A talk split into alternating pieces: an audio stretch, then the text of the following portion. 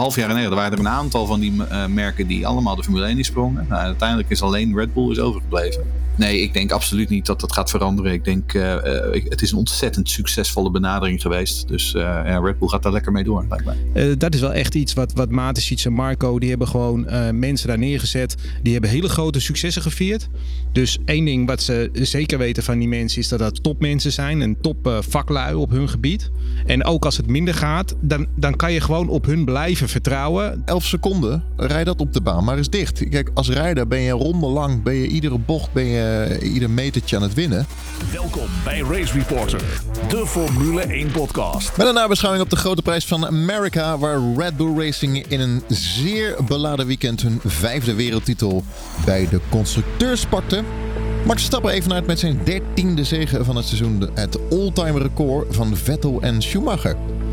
Max Verstappen en Lewis Hamilton pakten hun 32e 1-2 en het duo is daarmee nu de nieuwe recordhouder met gezamenlijke 1-2's. Red Bull Racing is het vijfde team uit de geschiedenis dat 90 zeges heeft behaald, na Ferrari, McLaren, Williams en Mercedes. De Amerikaanse Grand Prix was de 275ste Grand Prix waarin een Mercedes aangedreven wagen punten scoorde. De Japanse race van 2008 was de laatste race waarin geen enkele Mercedes motor punten scoorde. En Max Verstappen is Fernando Alonso voorbij in het lijstje van meeste overwinningen. Met 33 overwinningen staat Max Verstappen nu zesde in dat lijstje. Race Reporter. De Formule 1 podcast. Aflevering 137 alweer van Race Reporter seizoen 6. Ik ben Lucas Degen, vandaag met twee Jeroens. Charles is er helaas niet bij deze keer. Jeroen Demmenau is hier, autosportschrijver. Werkt aan een boek, uh, Formule Hopeloos. Dat komt in januari uit, komend jaar. En er is een kortingsactie, hoor ik. Nou, er komt een kortingsactie aan, ja. Uh, want er zijn inderdaad al een aantal mensen waarvan ik weet dat ze hem al besteld hebben. Uh, heel erg veel dank daarvoor natuurlijk. Maar er komt ehm, met ingang van de, het nieuwe Volgas magazine. die komt half november. Komt er inderdaad een kortingsactie aan. Dus um, als je voor een dubbeltje op de eerste rij wil zitten, uh, zorg dat je de nieuwe volgas in huis haalt vanaf half november. En dan uh, kun je daarvan profiteren. Ik ben altijd benieuwd hoe jullie de kleuren bepalen. Uh, ongeveer, je hebt bijna alle kleuren gehad. Hoe, uh, hoe bepaal je de komende kleur? Uh, nou, dat is, eerlijk te zijn, dat is een heel erg niet wetenschappelijk principe. Dat is gewoon iemand roept een kleur en dan, ja, leuk. En dan, of er worden een aantal kleuren geprobeerd. En dan, worden, dan krijg je een paar mock-ups, zeg maar. Die worden dan rondgemaild en dan zeggen we, nou, doe die maar. Uh, en op die manier komt dat uit. Dus er zit, daar zit geen uh, echte method achter wat dat betreft. Nee, maar het is wel leuk, want het valt wel op. Me heel veel magazines. Nou, dat is het hele idee hè, met een cover. Een cover moet opvallen in het schap. ja. Dus veel covers zijn heel schreeuwerig. En ik vind jullie cover al het goed uitzien. Nou, dankjewel. Uh, vraag, je, vraag je van L. Degen uit Haarlem. Die vraagt, komt er dan ook een Formule Hopeloos podcast?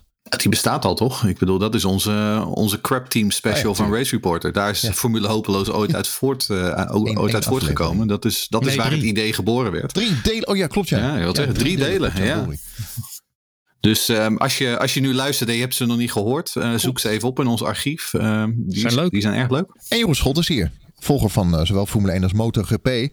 En uh, goh, hoe was de uh, Grand Prix van Maleisië? Dat was een close uh, finish tussen twee Ducatis afgelopen weekend, hè? Jij hebt je huiswerk gedaan.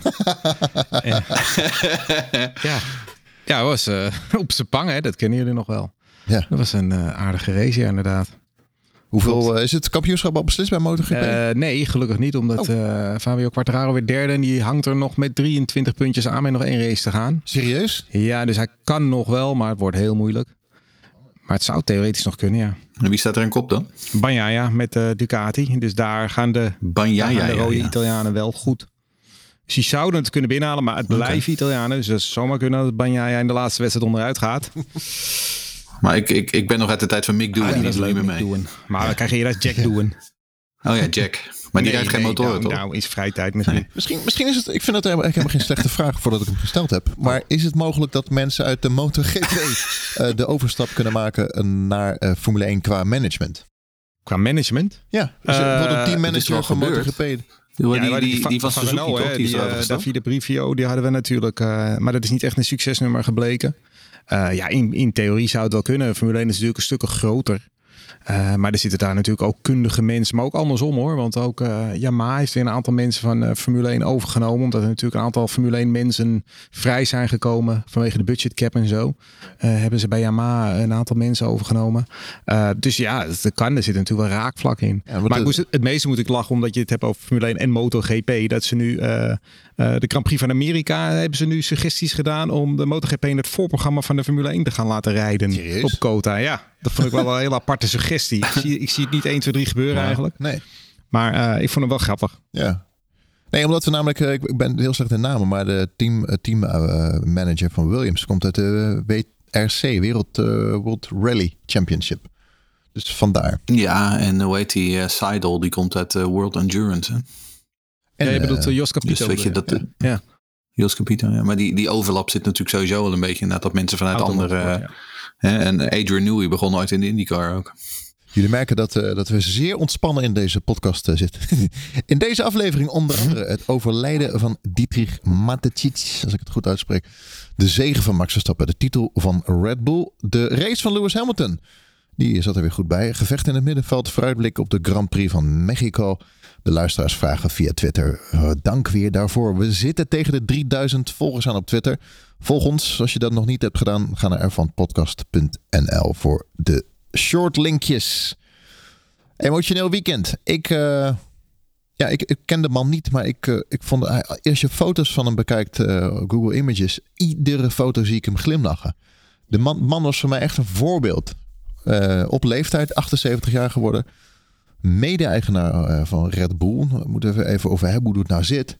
Hij was ooit een manager, marketing manager, ben ik een Tampesta merk. Hij heeft nog voor Unilever gewerkt. En ja. vroeg toen ooit in een tuk-tuk. Ik heb dat ooit gelezen in Elsevier 2006.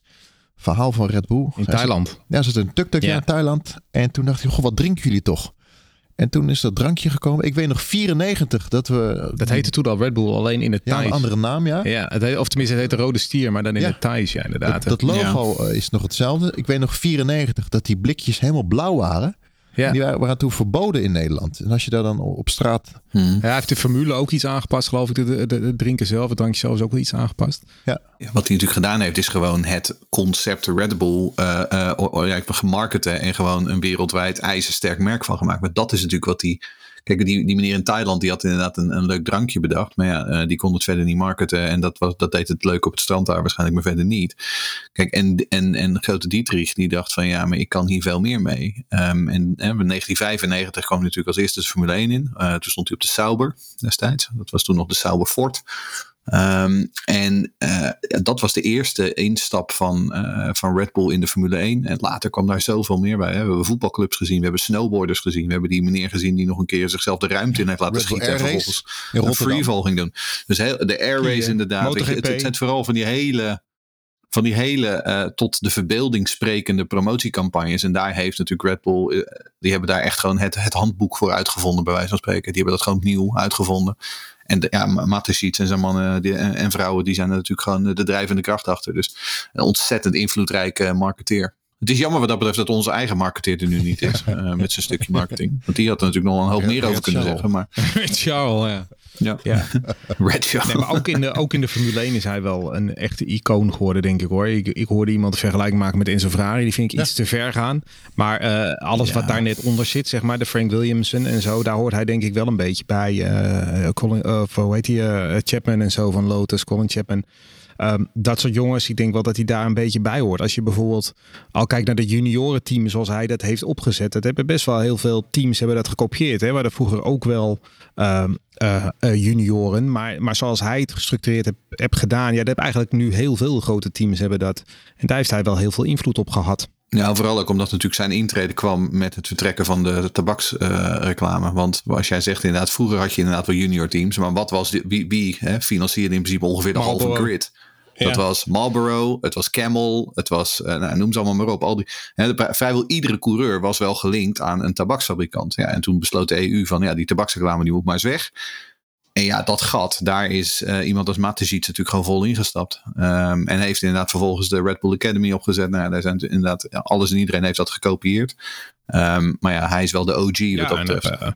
Ook in, ook in de MotoGP, hè. de KTM uh, doet, hij, uh, doet hij volop sponsoren. En hij heeft uh, Red Bull Rookies Cup, daar heeft hij bedacht. Dus het is echt, vooral als het gaat om snelheidssporten, is hij echt heel erg invloedrijk geweest. Nou ja, twee, twee Formule 1 teams, een circuit. Ja. Hij heeft natuurlijk ook de Grand Prix van Oostenrijk daar weer teruggehaald. Ja, ja de man is echt wel qua invloed echt heel, heel groot geweest, ja. Wat, wat ik niet wist is dat, uh, dat het toch nog in handen is voor het grootste deel van de Thaise uh, familie. Ja, 51 procent. Maar hij was volgens mij wel CEO, geloof ik. Toch? Ja, ik weet niet hoe de constructie zit. Ik heb eens gehoord dat het recept en zo ligt allemaal in Thailand. Maar de hele marketing en de naam en alles ligt dan bij, uh, of ligt lag bij hem. Nou ja, dat heeft die, die Thaise meneer natuurlijk wel gewoon goed bedacht. Die dacht van ja, jij mag hier best bij aan de gang, maar ik ga niet uh, mijn, hele, uh, mijn hele toko uh, zomaar opgeven. Dat was een miljardenbeslissing. Ja, nou, ik wil zeggen, die heeft daar gewoon een hele slimme beslissing gemaakt. Hè? In tegenstelling tot die, die befaamde oprichter van Apple, die zijn, zijn eerste 200 aandelen al snel verkocht. En nou ja, daarmee zichzelf miljoenen door, door de neus geboord heeft. Dus nee, dat hebben ze slim gedaan. Uh, en er is inderdaad nog steeds die constructie inderdaad dat, um, dat het deels Oostenrijk en deels uh, Thailand is. Hoe dan ook, het is gewoon het is, het is echt een geweldige uh, constructie die in de afgelopen 25, 30 jaar op poot is gezet. Je, daar kun je alleen maar heel veel respect en waardering voor hebben. Dus ja, ik snap heel goed dat inderdaad iedereen in Austin dit weekend, ja, toch wel gewoon, het was toch een weekend met een zwart randje wat dat betreft. Mooie, mooie overwinning. Nog, nog, nog toch heel even kort. Uh, wat mij opviel is dat, dat hij dus altijd zo vrolijk was. En denk ik, hoe, hoe, hoe, hoe hij zijn zaken deed, zeg maar. Volgens mij bemoeide hij zich, zich niet echt met alles. Zoals een Steve Jobs dat allemaal wel deed en een Bill Gates. Maar goed, daar ben ik niet, heb ik niet heel verstand van. En twee, hoe gaat het nu verder? Hij heeft één zoon. Hij is nooit getrouwd geweest, heeft één zoon. Wordt dat zijn opvolger of is dat allemaal nog te volgen? Ik heb geen idee hoe dat geregeld is allemaal. Ik las wel een ouder artikel dat het allemaal wel... Uh, uh, ook veel bij die ties ligt en zo. Maar ik, ik durf het echt niet te zeggen. Ik weet het niet. Gaan we, gaan we merken. De vraag is natuurlijk nu. Uh, hij is, maar hij is, hij is wel al een tijdje ziek geweest volgens mij. Dus ze hebben wel een, al de tijd gehad om zeg maar, hè, die succession planning uh, te kunnen, goed te kunnen regelen. Dus ik, ik vermoed dat een bedrijf dat zo professioneel is als Red Bull, dat die dat wel geregeld ja, hebben. Dat is natuurlijk ook, uh, gaat ook gewoon door. Dus nee. Er, zal, er zullen vast plannen voor klaar liggen. Maar um, ja, hoe dan ook. mooie, dat is voor, voor later zorg. Echt een voorbeeld voor velen vind ik. Klaas Meijer heeft, een, uh, heeft een vraag over. Hoe belangrijk is dokter Marco voor het team? Die is zelfs een jaar ouder dan... Uh... Ja, is 79 en heeft ook niet het eeuwige leven. Is hij vervangbaar? Uh, nou, dokter Helmut Marco is heel erg belangrijk voor het team zelf. Want hij staat officieel als adviseur hè, daar op de loonlijst. Maar het is, dat is een beetje een uh, niet echt een hele terechte uh, uh, functieomschrijving. Hij is, echt, hij is altijd echt de schakel geweest met, met Matisic naar het team toe. hij was eigenlijk degene die al, het beleid van Matisic echt, echt uitvoerde um, op locatie. hij was echt de schakel tussen het team en, en, en Matisic in. En alle grote beslissingen van rijders en, en motorleveranciers en alles, dat, dat nam hij altijd op met, met Matisic. En um, het schijnt zelfs zo te zijn, dat heb ik ooit eens gelezen, en het schijnt echt zo te zijn dat Christian Horner, Adrian Newey al die mensen, um, die moeten officieel verantwoording afleggen aan Helmoet Marco. En hij neemt het dan op met Dietrich Mateschitz. Dat zijn de officiële lijnen zoals ze lopen. Dus, dus Helmoet Marco is inderdaad een hele belangrijke man voor het team. Um, wat ik wel altijd vind van, van Red Bull en van het beleid wat, wat en Marco dan hebben uitgezet. Ze hebben er ooit, zijn volgens mij in 2004 vijf of zo begonnen met het team. En ze hebben daar uh, op een gegeven moment een managementteam uh, neergezet. Onder leiding van Christian Horner. Maar ook de technische mensen met Nui en alles. En uh, grote successen gevierd. En op een gegeven moment waren die successen afgelopen. 2014, 2015 wonnen ze helemaal niks meer. ze, zijn altijd, ze hebben altijd rust in de tent gehouden. Ze hebben gewoon altijd de leiding laten zitten. Ze hebben iedereen altijd het vertrouwen gegeven. En als je dat bijvoorbeeld afzegt tegen Ferrari. Waar iedere drie, vier jaar gaat de leiding er weer uit. Komt er weer een nieuwe. dat is wel echt iets wat, wat Matesic en Marco. Die hebben gewoon mensen daar neergezet. Die hebben hele grote successen gevierd. Dus één ding wat ze zeker weten van die mensen is dat dat topmensen zijn. En top uh, vaklui op hun gebied. En ook als het minder gaat, dan, dan kan je gewoon op hun blijven vertrouwen. Dat ze uiteindelijk die kar dan weer wil je omweten. En dat vind ik wel we weten ook al in de voetballerij, waar trainers naar drie nederlagen eruit gaan. Als je dan bij sportorganisaties, dat vind ik wel heel erg kenmerkend van, van Mateschitz en van Helmut Marco dan hoe ze dat altijd hebben gedaan. Uh, ik vond het ook wel mooi, eh, dat hoorde je ook dit weekend op de radio. Max die zat na die pitstop, zei hij beautiful, brilliant. Dat ze wel zeiden van, hey, uh, het is een teamsport, to win together. ja, hij is soms een beetje cynisch. Maar goed, daar gaan we het zo over hebben. Gaan we het zo over hebben. Ik wil nog één ding zeggen over, over uh, sorry als ik het verkeerd zeg. Dat hij heel veel races gewoon thuis keek. Dat vond ik wel een mooie. Hij was niet vaak op Hij was, niet, hij was sowieso een man die, eh, die heel erg eh, uit de schijnwerpers wilde blijven. Hij was ja. niet een man die er heel vaak kwam, ook niet in zijn gezonde jaren.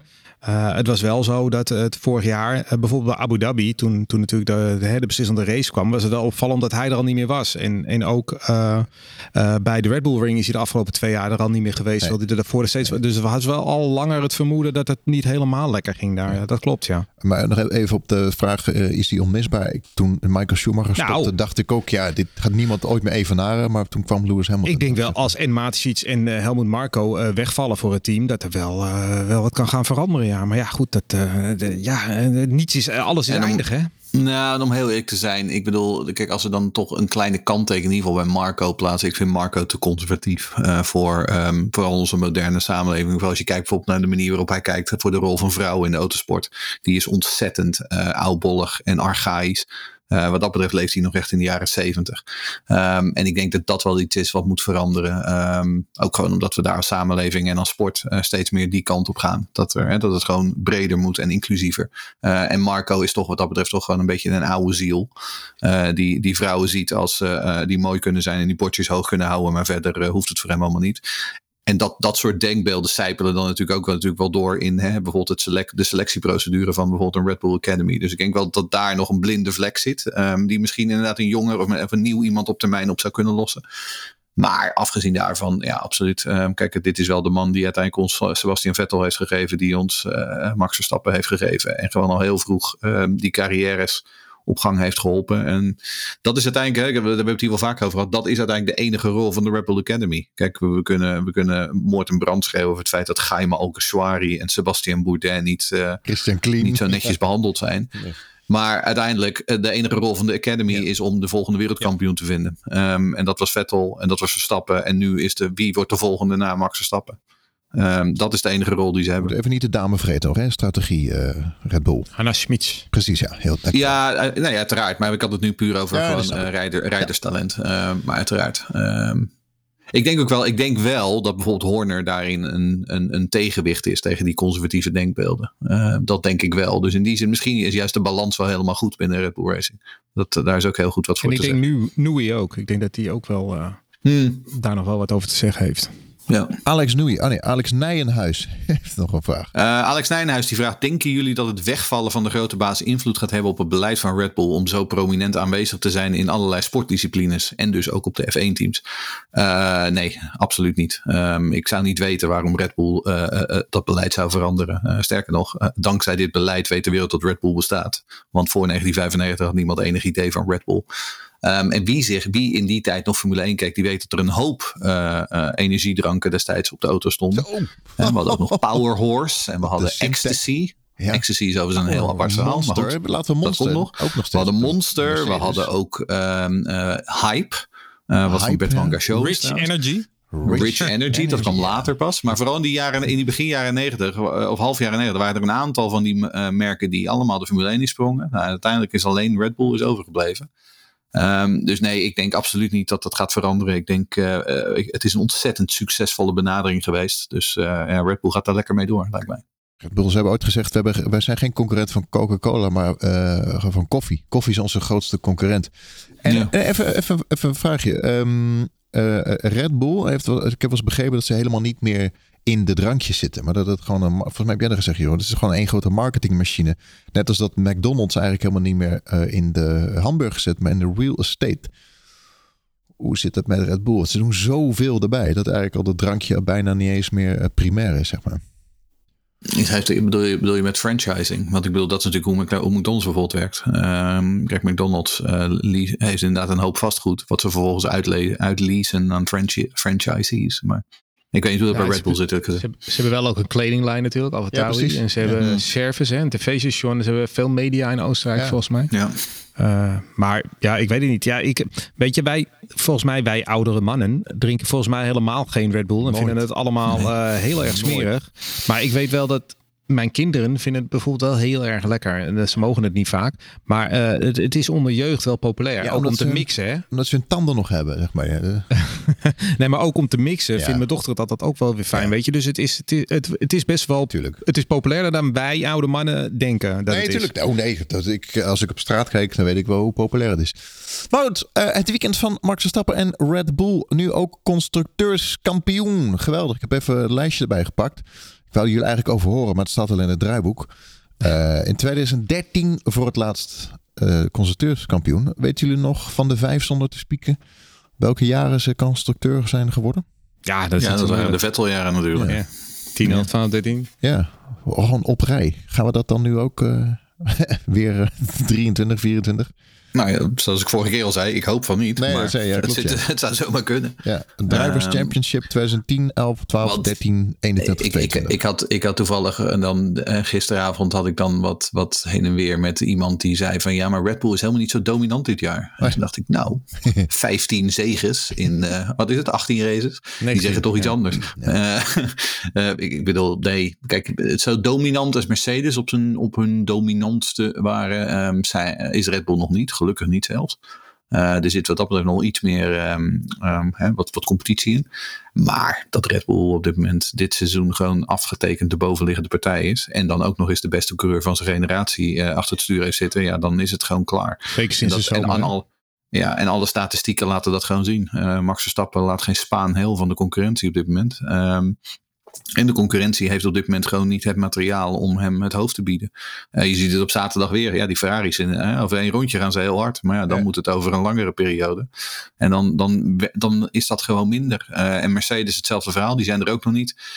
Dus op dit moment heeft Max Verstappen gewoon de beste auto. En daar maakt hij optimaal gebruik van. En dus staat hij nu ex-equo met het meeste aantal overwinningen in één seizoen.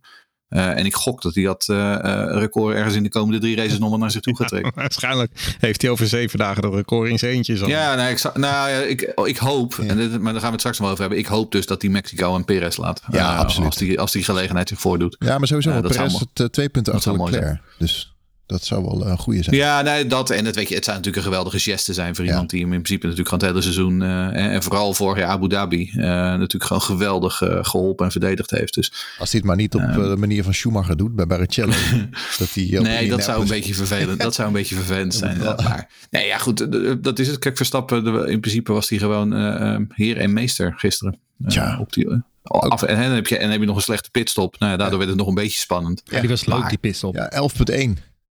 Wat maar die pitstop was geweldig. Want anders hadden we gewoon een saai... Nou, een saaie wedstrijd was op zich wel aardig geweest. Maar dan had je in ieder geval onder leiding geen spanning gehad. Nee, maar er gebeurde vooraan niet zo gek veel, hè? Nee, een- een nee. vraagje, want er was, eh, de, voor de pitstop daarvoor was 2,1. Een hele snelle pitstop. Ik hoorde, het mag niet onder de 2 seconden. Maar wat nou als het wel onder, onder, eh, onder komt? Stel nou dat het, dat is een, Nou, dan gaat de VIA daar waarschijnlijk een maandje of twee, drie over vergaderen. Nou, die tweede, maar die tweede stop van Perez was ook niet goed, hè? Want die was ook vier seconden of zo. Dus daar, die ging ook niet goed. Ze hadden toen ja, maar echt, dat was echt even van een sequence waar. safe, ja, ja. niet? Ja. Ja. ja, maar ze hadden echt dan een sequence waarbij het gewoon echt even niet ging. Dan gaat Eh, Zack Brown waarschijnlijk weer een brief schrijven. Maar goed, die, die wheelgun, eh, dat ding was stuk. En toen pakte hij de reserve. Ja, dat kan Ja. gebeuren. Ja, ja, dat kan- dat kan gebeuren, inderdaad, Maakte de ja. race heel leuk.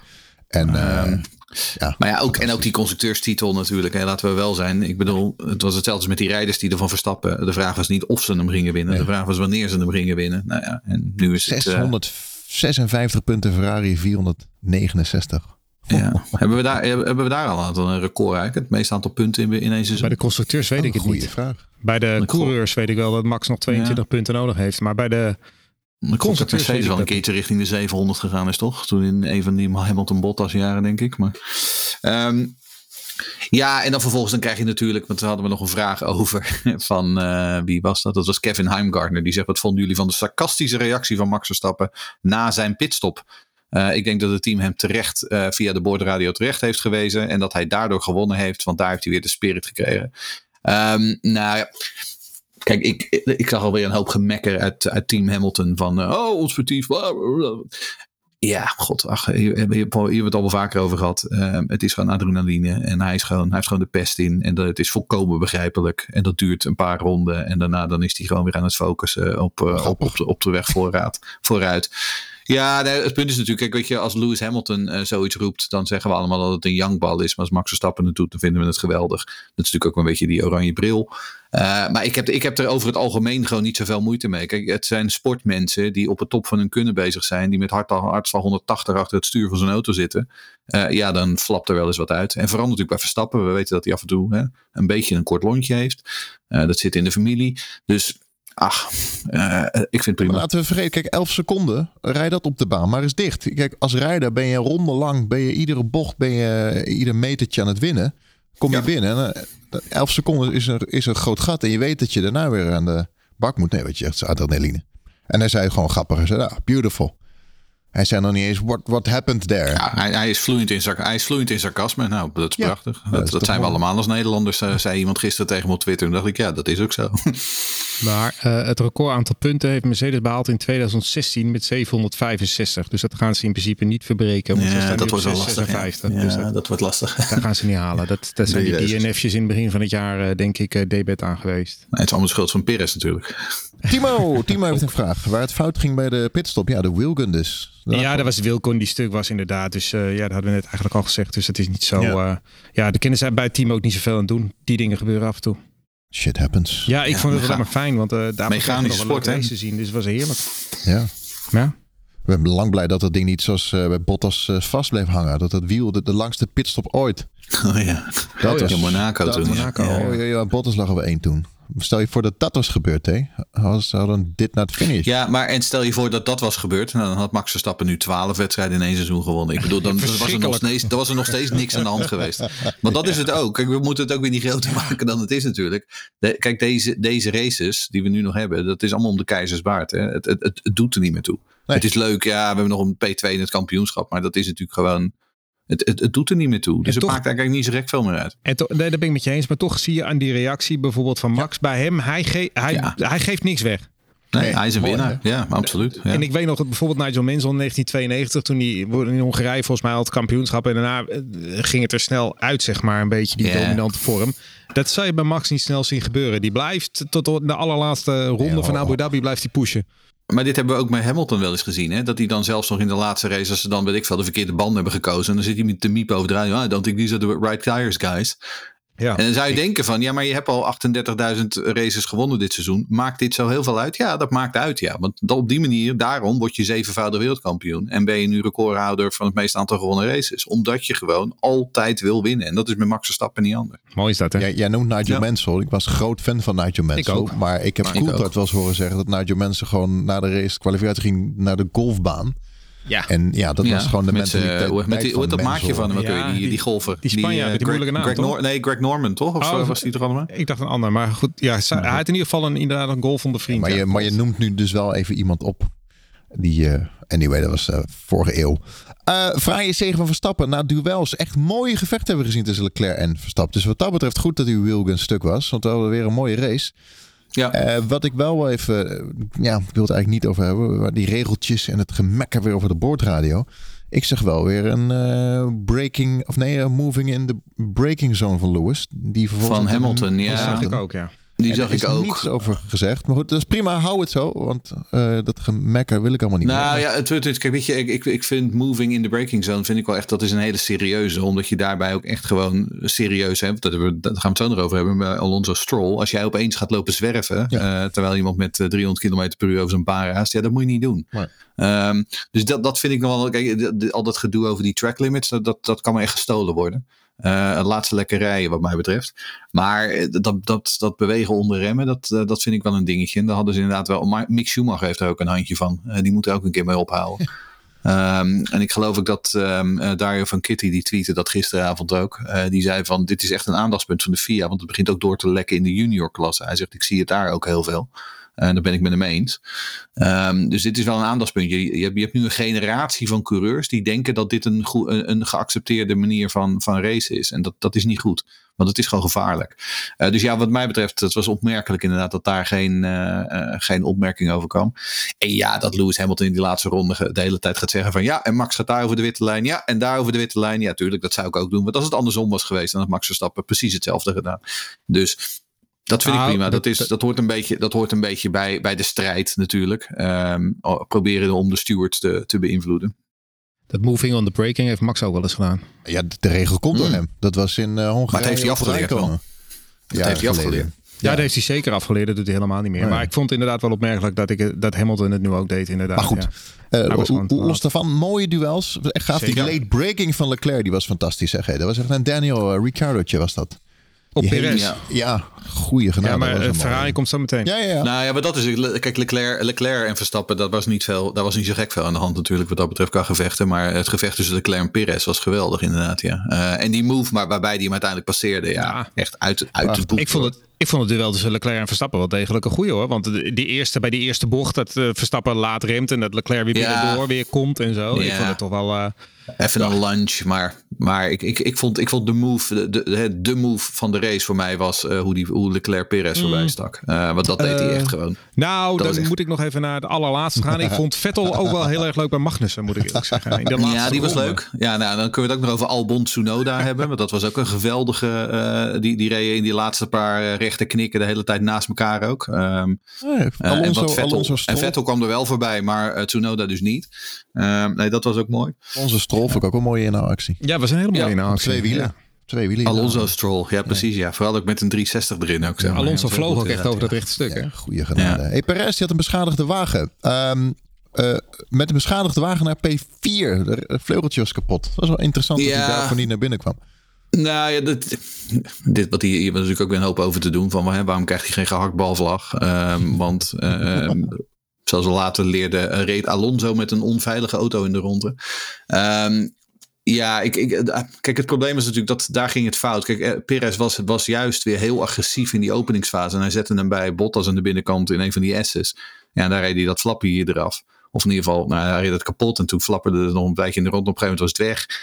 Ehm, ja, en natuurlijk heb je daar gewoon last van. Ehm, maar aan de andere kant, als je binnen moet eh, voor een extra keer en je moet vervolgens ook die, die vleugel er weer afhalen, dan verlies je weer 20 seconden. Misschien dat ja, ze wilden waarschijnlijk dat risico gewoon niet nemen. Eh, of hij heeft aangegeven, van, nou, het valt wel mee, ik heb er niet zo erg veel last van. Maar ik heb wel het idee dat het hem een podium gekost heeft. Ja, het heeft zeker niet geholpen, nee. Nee. Vraagje van Richard Kuiper. Ja, Richard die vraagt: Het valt mij op dat Perez niet zo lekker herstart na de safety cars. Gisteren weer twee keer niet scherp. eh, in eerdere races ook al. Zelfs wanneer Max Verstappen vooraan rijdt. Ehm, is dat het moment van op het gas gaan niet iets wat ze kunnen afspreken voor een race? Of is Checo gewoon niet agressief genoeg? Ehm, nou, je kunt dat best afspreken, maar ik denk nog steeds dat dat ontzettend lastig timer wordt hoor. Als je allebei eh, tegelijkertijd achter het stuur zit. Ehm, want dan zou je dus ook zeg maar live communicatie met z'n tweeën moeten hebben. Ehm, maar eh, het, het valt me inderdaad wel vaker op. Ja, eh Perez is geen geweldige safety car herstarter. Dat is wel een, een, een puntje van aandacht. Daar, Kijk, Russell. ja, daar, is die. Ja, maar dat was, dat was natuurlijk weer die VSC waarbij de, de, de, tech, de VSC technisch eh, eh, een, een glitch had natuurlijk. Dus dat, dat kon je niet helemaal op zijn eh, eh, request schrijven. Maar hij is over het algemeen gewoon geen hele lekkere herstarter. Ehm, en dat is, nou, dat is een, een, een zwakje, een, een zwaktepunt. En daar heeft hij er een paar van, dat weten we. Ehm, maar dat is wel een puntje van aandacht. Ja, want daar, daar valt nog wat te winnen. Want ook daar had hij dus, bijvoorbeeld juist omdat het zo moeilijk was voor hem om in normale race tempo met die gemankeerde voorvleugel iemand voorbij te komen, had hij juist op die momenten misschien wel weer een positie kunnen winnen. Ik vind hem wel stabiel de laatste tijd. Nou Ja, ja, dat hem. is het. Maar hij, hij is stabiel. Maar weet je, hij is geen buitencategorie en dat zal hij nooit worden ook. Nee, nou, ik, maar ik hoorde gisteren bij Viaplay hoorde ik Guido van der Garde en Christian Albers praten over dat ze eigenlijk ehm Perez, nou Albers vond vooral Perez eh belangen na niet goed genoeg voor Red Bull. En, en eh, Guido van der Garde stelde voor dat, dat Ricciardo misschien een betere optie zou zijn. Maar dat vind ik niet hoor. Dat vind ik in helemaal niks. Ik vind, ik vind Perez Ricciardo? nog steeds een Nee, uitstekende tweede rijder voor dit team. Ik vind het een, een kopman van een Aston Martin achterteam of een tweede rijder bij een topteam. Dat kan hij uitstekend invullen. Eens. En ik denk als mensen echt verwachten dat een, een rijder naast Max Verstappen beter kan presteren dan wat Checo Perez op dit moment doet. Nou, dan, dan moet je echt naar het, het niveau van coureur van Charles Leclerc of, of, of, of George Russell gaan. Dat soort jongens. Maar dan krijg je weer andere problemen. Want dat zijn eigenlijk potentiële kopmans die je daarnaast Max Verstappen zet. En dan krijg je weer een hele andere dynamiek in een team. Ik denk als je echt kiest voor een kopman en een tweede rijder in een team. En dat zou ik als teambaas altijd eh, prefereren. Dan is dit een perfecte combinatie nog steeds. Dus je moet hem niet vervangen. Je moet gewoon accepteren. Hij kan niet wat Max kan. En dat zal hij ook nooit kunnen. Uh, en voor de rest doet hij het gewoon prima. Ik vind het ook heel belangrijk, dat, dat, dat punt mis je nog even. Als Perez niet meer bij Red Bull rijdt, dan heeft Jeroen Demmerdaal niks meer aan zijn Perez-bedje. Nou, dat is ook een, dat is ook een punt natuurlijk. En dat is weer een, een, punt van maar aandacht. dat maakt er verder niet zo heel veel uit. Want ik bedoel, dat petje kan ik natuurlijk gewoon nog steeds op hebben. Dat is nee, maar ik heb wel weer een bruggetje naar doneren. Wil je lid worden? Oh ja. Ga naar petjeaf.com slash F1 podcast en uh, help ons de, de herfst door in de winter. petjeaf.com slash F1 podcast. Race Reporter. Weekend van Ferrari vol. Ja, dat is, uh, dat is vaker. De Formule 1 podcast. Podium maakt niemand blij. Ferrari. Um, Sainz. Ik vond eerlijk gezegd, uh, ja, raceongeval. Als je goed kijkt, Sainz die ja. bij de start, hij, moest, hij schrok van Max. En Russell kwam er ja, met vier wielen geblokkeerd in. Nou, ik vond, ik vond, ik vond het is Russell's schuld, punt. Want ja. die gaat er uiteindelijk van achterin. Maar Sainz kwam inderdaad wel wat naar binnen toe. Maar dat mag je wel ook verwachten in een startend veld. Dat coureurs uh, binnendoor. Uh, ja, klopt. Uh, dus ik vind, ik, ja, Weet je, dat is gewoon. Maar het is gewoon een startongeval. Ik vond het verder. Het is natuurlijk ontzettend zuur voor Sainz. Omdat hij ook meteen einde wedstrijd is. En had natuurlijk met Paul. Ja. En dat was voor ons ook jammer. Want anders had je nog een jongen voorin gehad. Maar dit is wat het is. Ja, die dingen gebeuren soms. En dan moeten we niet te veel, denk ik. Maar, ja. Ik zat, zat eens even te kijken. Sainz heeft nu even, evenveel dit naar het finish achter zijn naam als Bottas. Die staan onderaan in het lijstje met zes uitvalbeurten. Nou ja, goed. Sainz heeft zelf ook één of twee keer wat fout gedaan. Hij heeft natuurlijk een paar keer uh, pech gehad. Hij heeft nu cool. dit gehad waar hij niks aan kan doen. Dus het is niet altijd Sainz. Nee, Volgens mij is, het twee keer Sainz schuld geweest. Um, het is niet zijn schuld.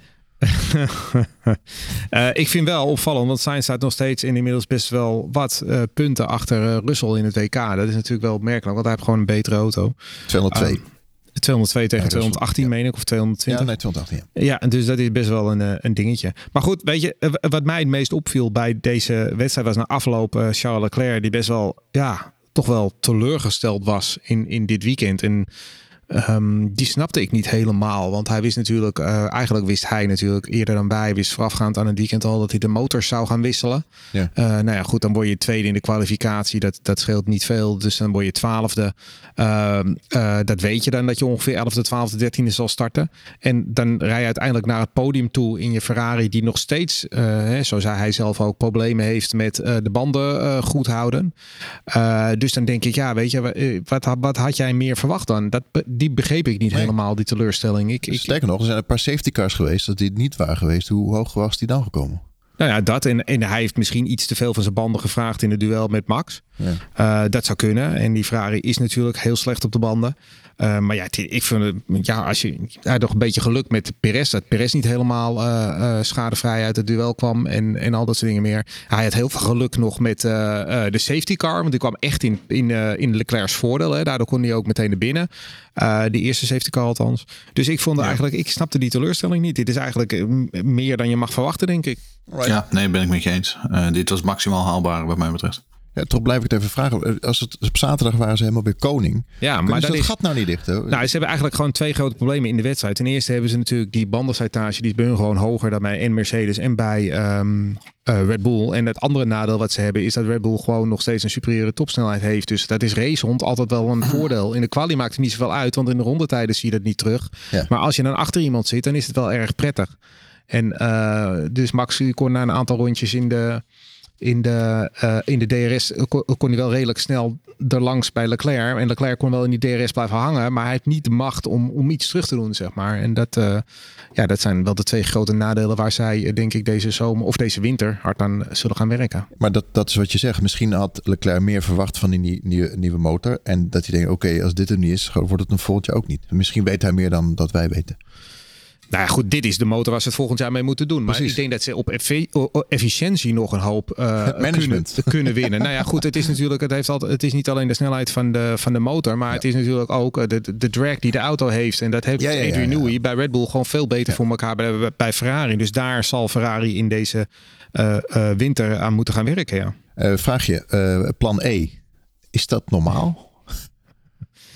Ja, plan E. Ik, ik, ik zag het ook. Ze gingen naar plan E over. Ik, ik, dat hoor je altijd bij Ferrari. Bij Red Bull hoor ik dat nooit zo. We hebben plan A en plan B. Maar bij, bij, bij Ferrari die heeft altijd een hele reeks met plannen inderdaad. Bij Red Bull hebben ze altijd gewoon een plan. En ja, dat werkt gewoon. ja. Uh, nou, wat ik altijd vooral vermakelijk vind, is dat betekent dus dat terwijl Charles Leclerc dat ding op de, op de baan aan het houden is, dat hij ook nog eens vijf verschillende plannen en de vijf verschillende details in zijn hoofd moet gaan houden. Um, en dat dan dus ook kan. Dat is op zich ook wel gewoon een kunst.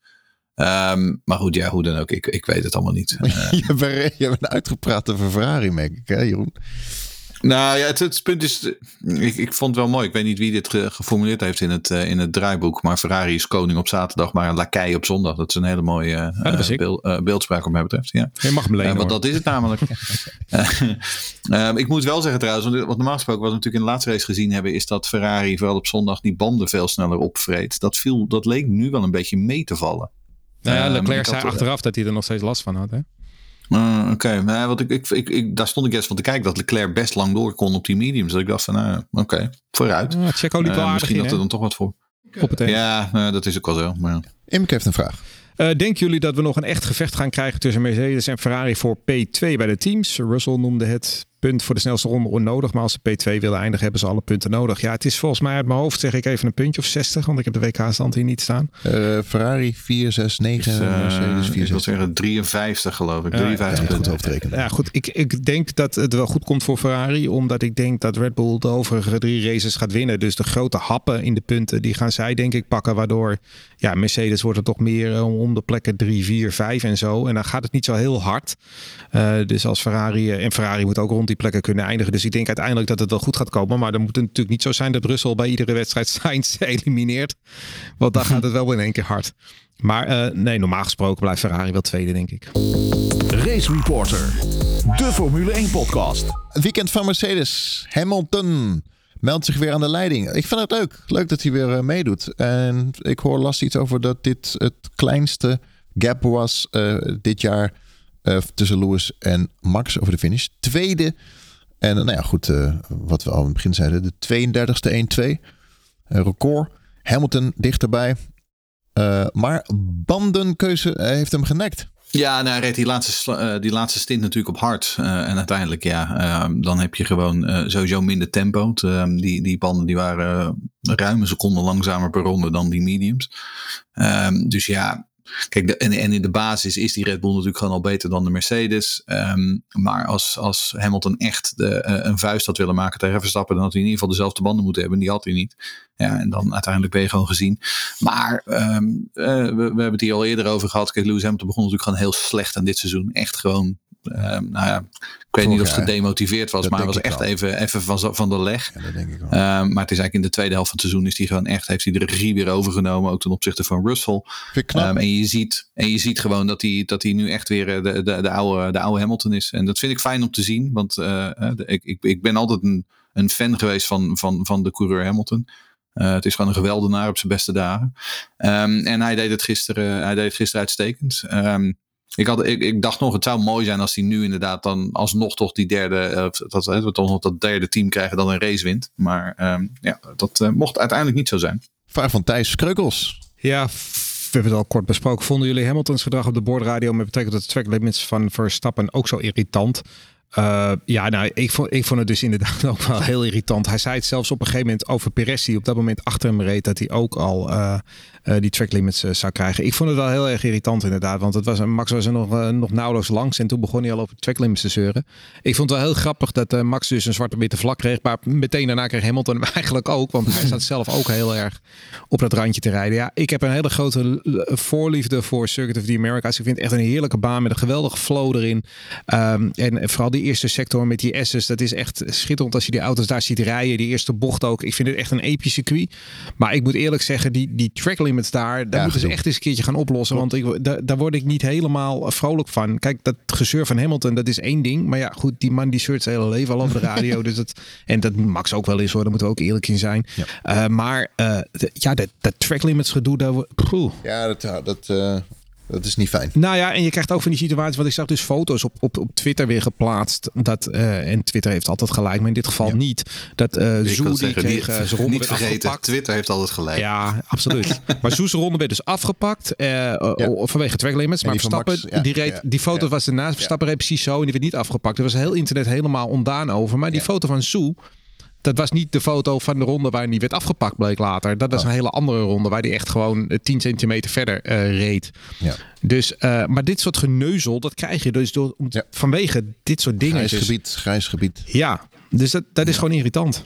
En dus gewoon grind en Ja. gras. Eh, ja, is, nou het alle- goed. is het allemaal opgelost. Eh, ja, maar dat grind, daar heeft Bottas dus weer een probleem mee. Ja, dat Ja, dat, eh, daar kwam Bottas dan weer niet zo go- goed tegen. Maar goed, ja, maar aan de andere kant, dat is ook de manier waarop de kaf van het koren gescheiden wordt. Dus wat dat betreft, ik vind het prima. Maar over, over Bottas gesproken. eh, Wat was dat voor een rare actie? Allaast, echt die achterkant was in één keer weg. Ja, gewoon, hij maakt een foutje. Eh, zo simpel is het. De- ik bedoel, Max Verstappen, die was ook de hele dag, eh, de, de hele race aan het praten over die wind. Dat vond ik ook wel opmerkelijk. Ja. Dat Max Verstappen Ja. zei van, ja, ik heb heel veel last van de wind. En toen dacht ik, ja, en wat wil je nu dat, wat dat Red Bull hier aan doet? Nee. Voor, voor zover ik weet kan Red Bull, eh, die hebben geen controle over hoe het weer het daar doet. Dus ik bedoel, je, ja, iedereen heeft daar last van. eh, Rosberg is ook, ook ooit afgevlogen door de wind. En wat mij was opgevallen. eh, Op een gegeven moment kreeg Max door op de boordradio. Turn Huppel de Pub moest hij een, een bump ontwijken. Ja. Weet jullie nog dat Vettel daar ooit zijn, eh, zijn hele Ja. achterwiel ophangen eraf reed? Ja, die race, een hele, die reed in zijn Ferrari zijn Ja. hele ophanging naar de, naar de Getver. Ja. Nou ja, en dan ehm, hebben we natuurlijk nog Russell ehm, in de fout. Hadden we het net ook al over. Heeft hij zelf ook toegegeven. En Harry de Groot die vraagt daarover. Waarom krijg je 30 seconden voor een kapotte spiegel. En 5 seconden wanneer je je directe concurrent van de baan rijdt? Ja, ik heb geen idee. Schiet mij maar lekker Harry. Ehm, er is geen touw om vast te knopen. Dit, dit, ik vond de straf voor Russell vond ik passend. Eh, dat was inderdaad, hè, dit is, het is een startongeval. eh, dit gebeurt. Maar ja, hij rijdt wel gewoon iemand de wedstrijd uit. Dus daar moet je voor gestraft worden. Maar het grappige is dat de FIA zegt dat Alonso in een onveilige auto reed.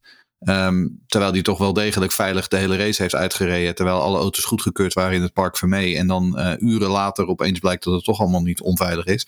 Sterker nog, wat eh, de FIA nu hiermee eigenlijk heeft eh, aangegeven. Is dat wanneer jouw spiegel afbreekt. Je de auto dus moet.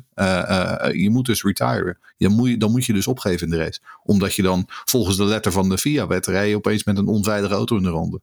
Ik, ik, ik kan er geen touw aan Nee, vastknopen. maar waarom zeggen ze. Waarom krijgt hij dan niet die gehaktbal? Van joh, kom naar binnen, je moet een spiegel. Nou dat dus. Maar want ja, het, maar- het wordt dus getriggerd door Haas, die dus inderdaad eerder dit seizoen twee keer met Magnussen al die vlag hebben gezien en iedere keer naar binnen Mm. moeten. En nu hebben we en Perez, wat ik ook onbegrijpelijk vond, en nu dit. Eh, Alonso, ja, die hadden al, inderdaad alle twee die meatball Allebei de gehaktbal moeten. Ja. En dan hoor ik wel eh, mensen zeggen van ja, maar bij Perez kwam het wat laat in beeld. En toen hadden ze, en twee rondes later viel hij eraf. Ja, maar dat is twee rondes te veel. Want je had er meteen, je kan toch meteen die meatball vlag. Ik snap niet waar, waar dat wachten op is dan. Nee, en nogmaals, volgens mij, zoals ik het begrepen heeft, had de FIA aanvankelijk gezegd dat alle auto's die in het park Vermee waren, die waren volgens de, eh, de wetge Ja. die waren volgens de regelgeving, die waren goedgekeurd.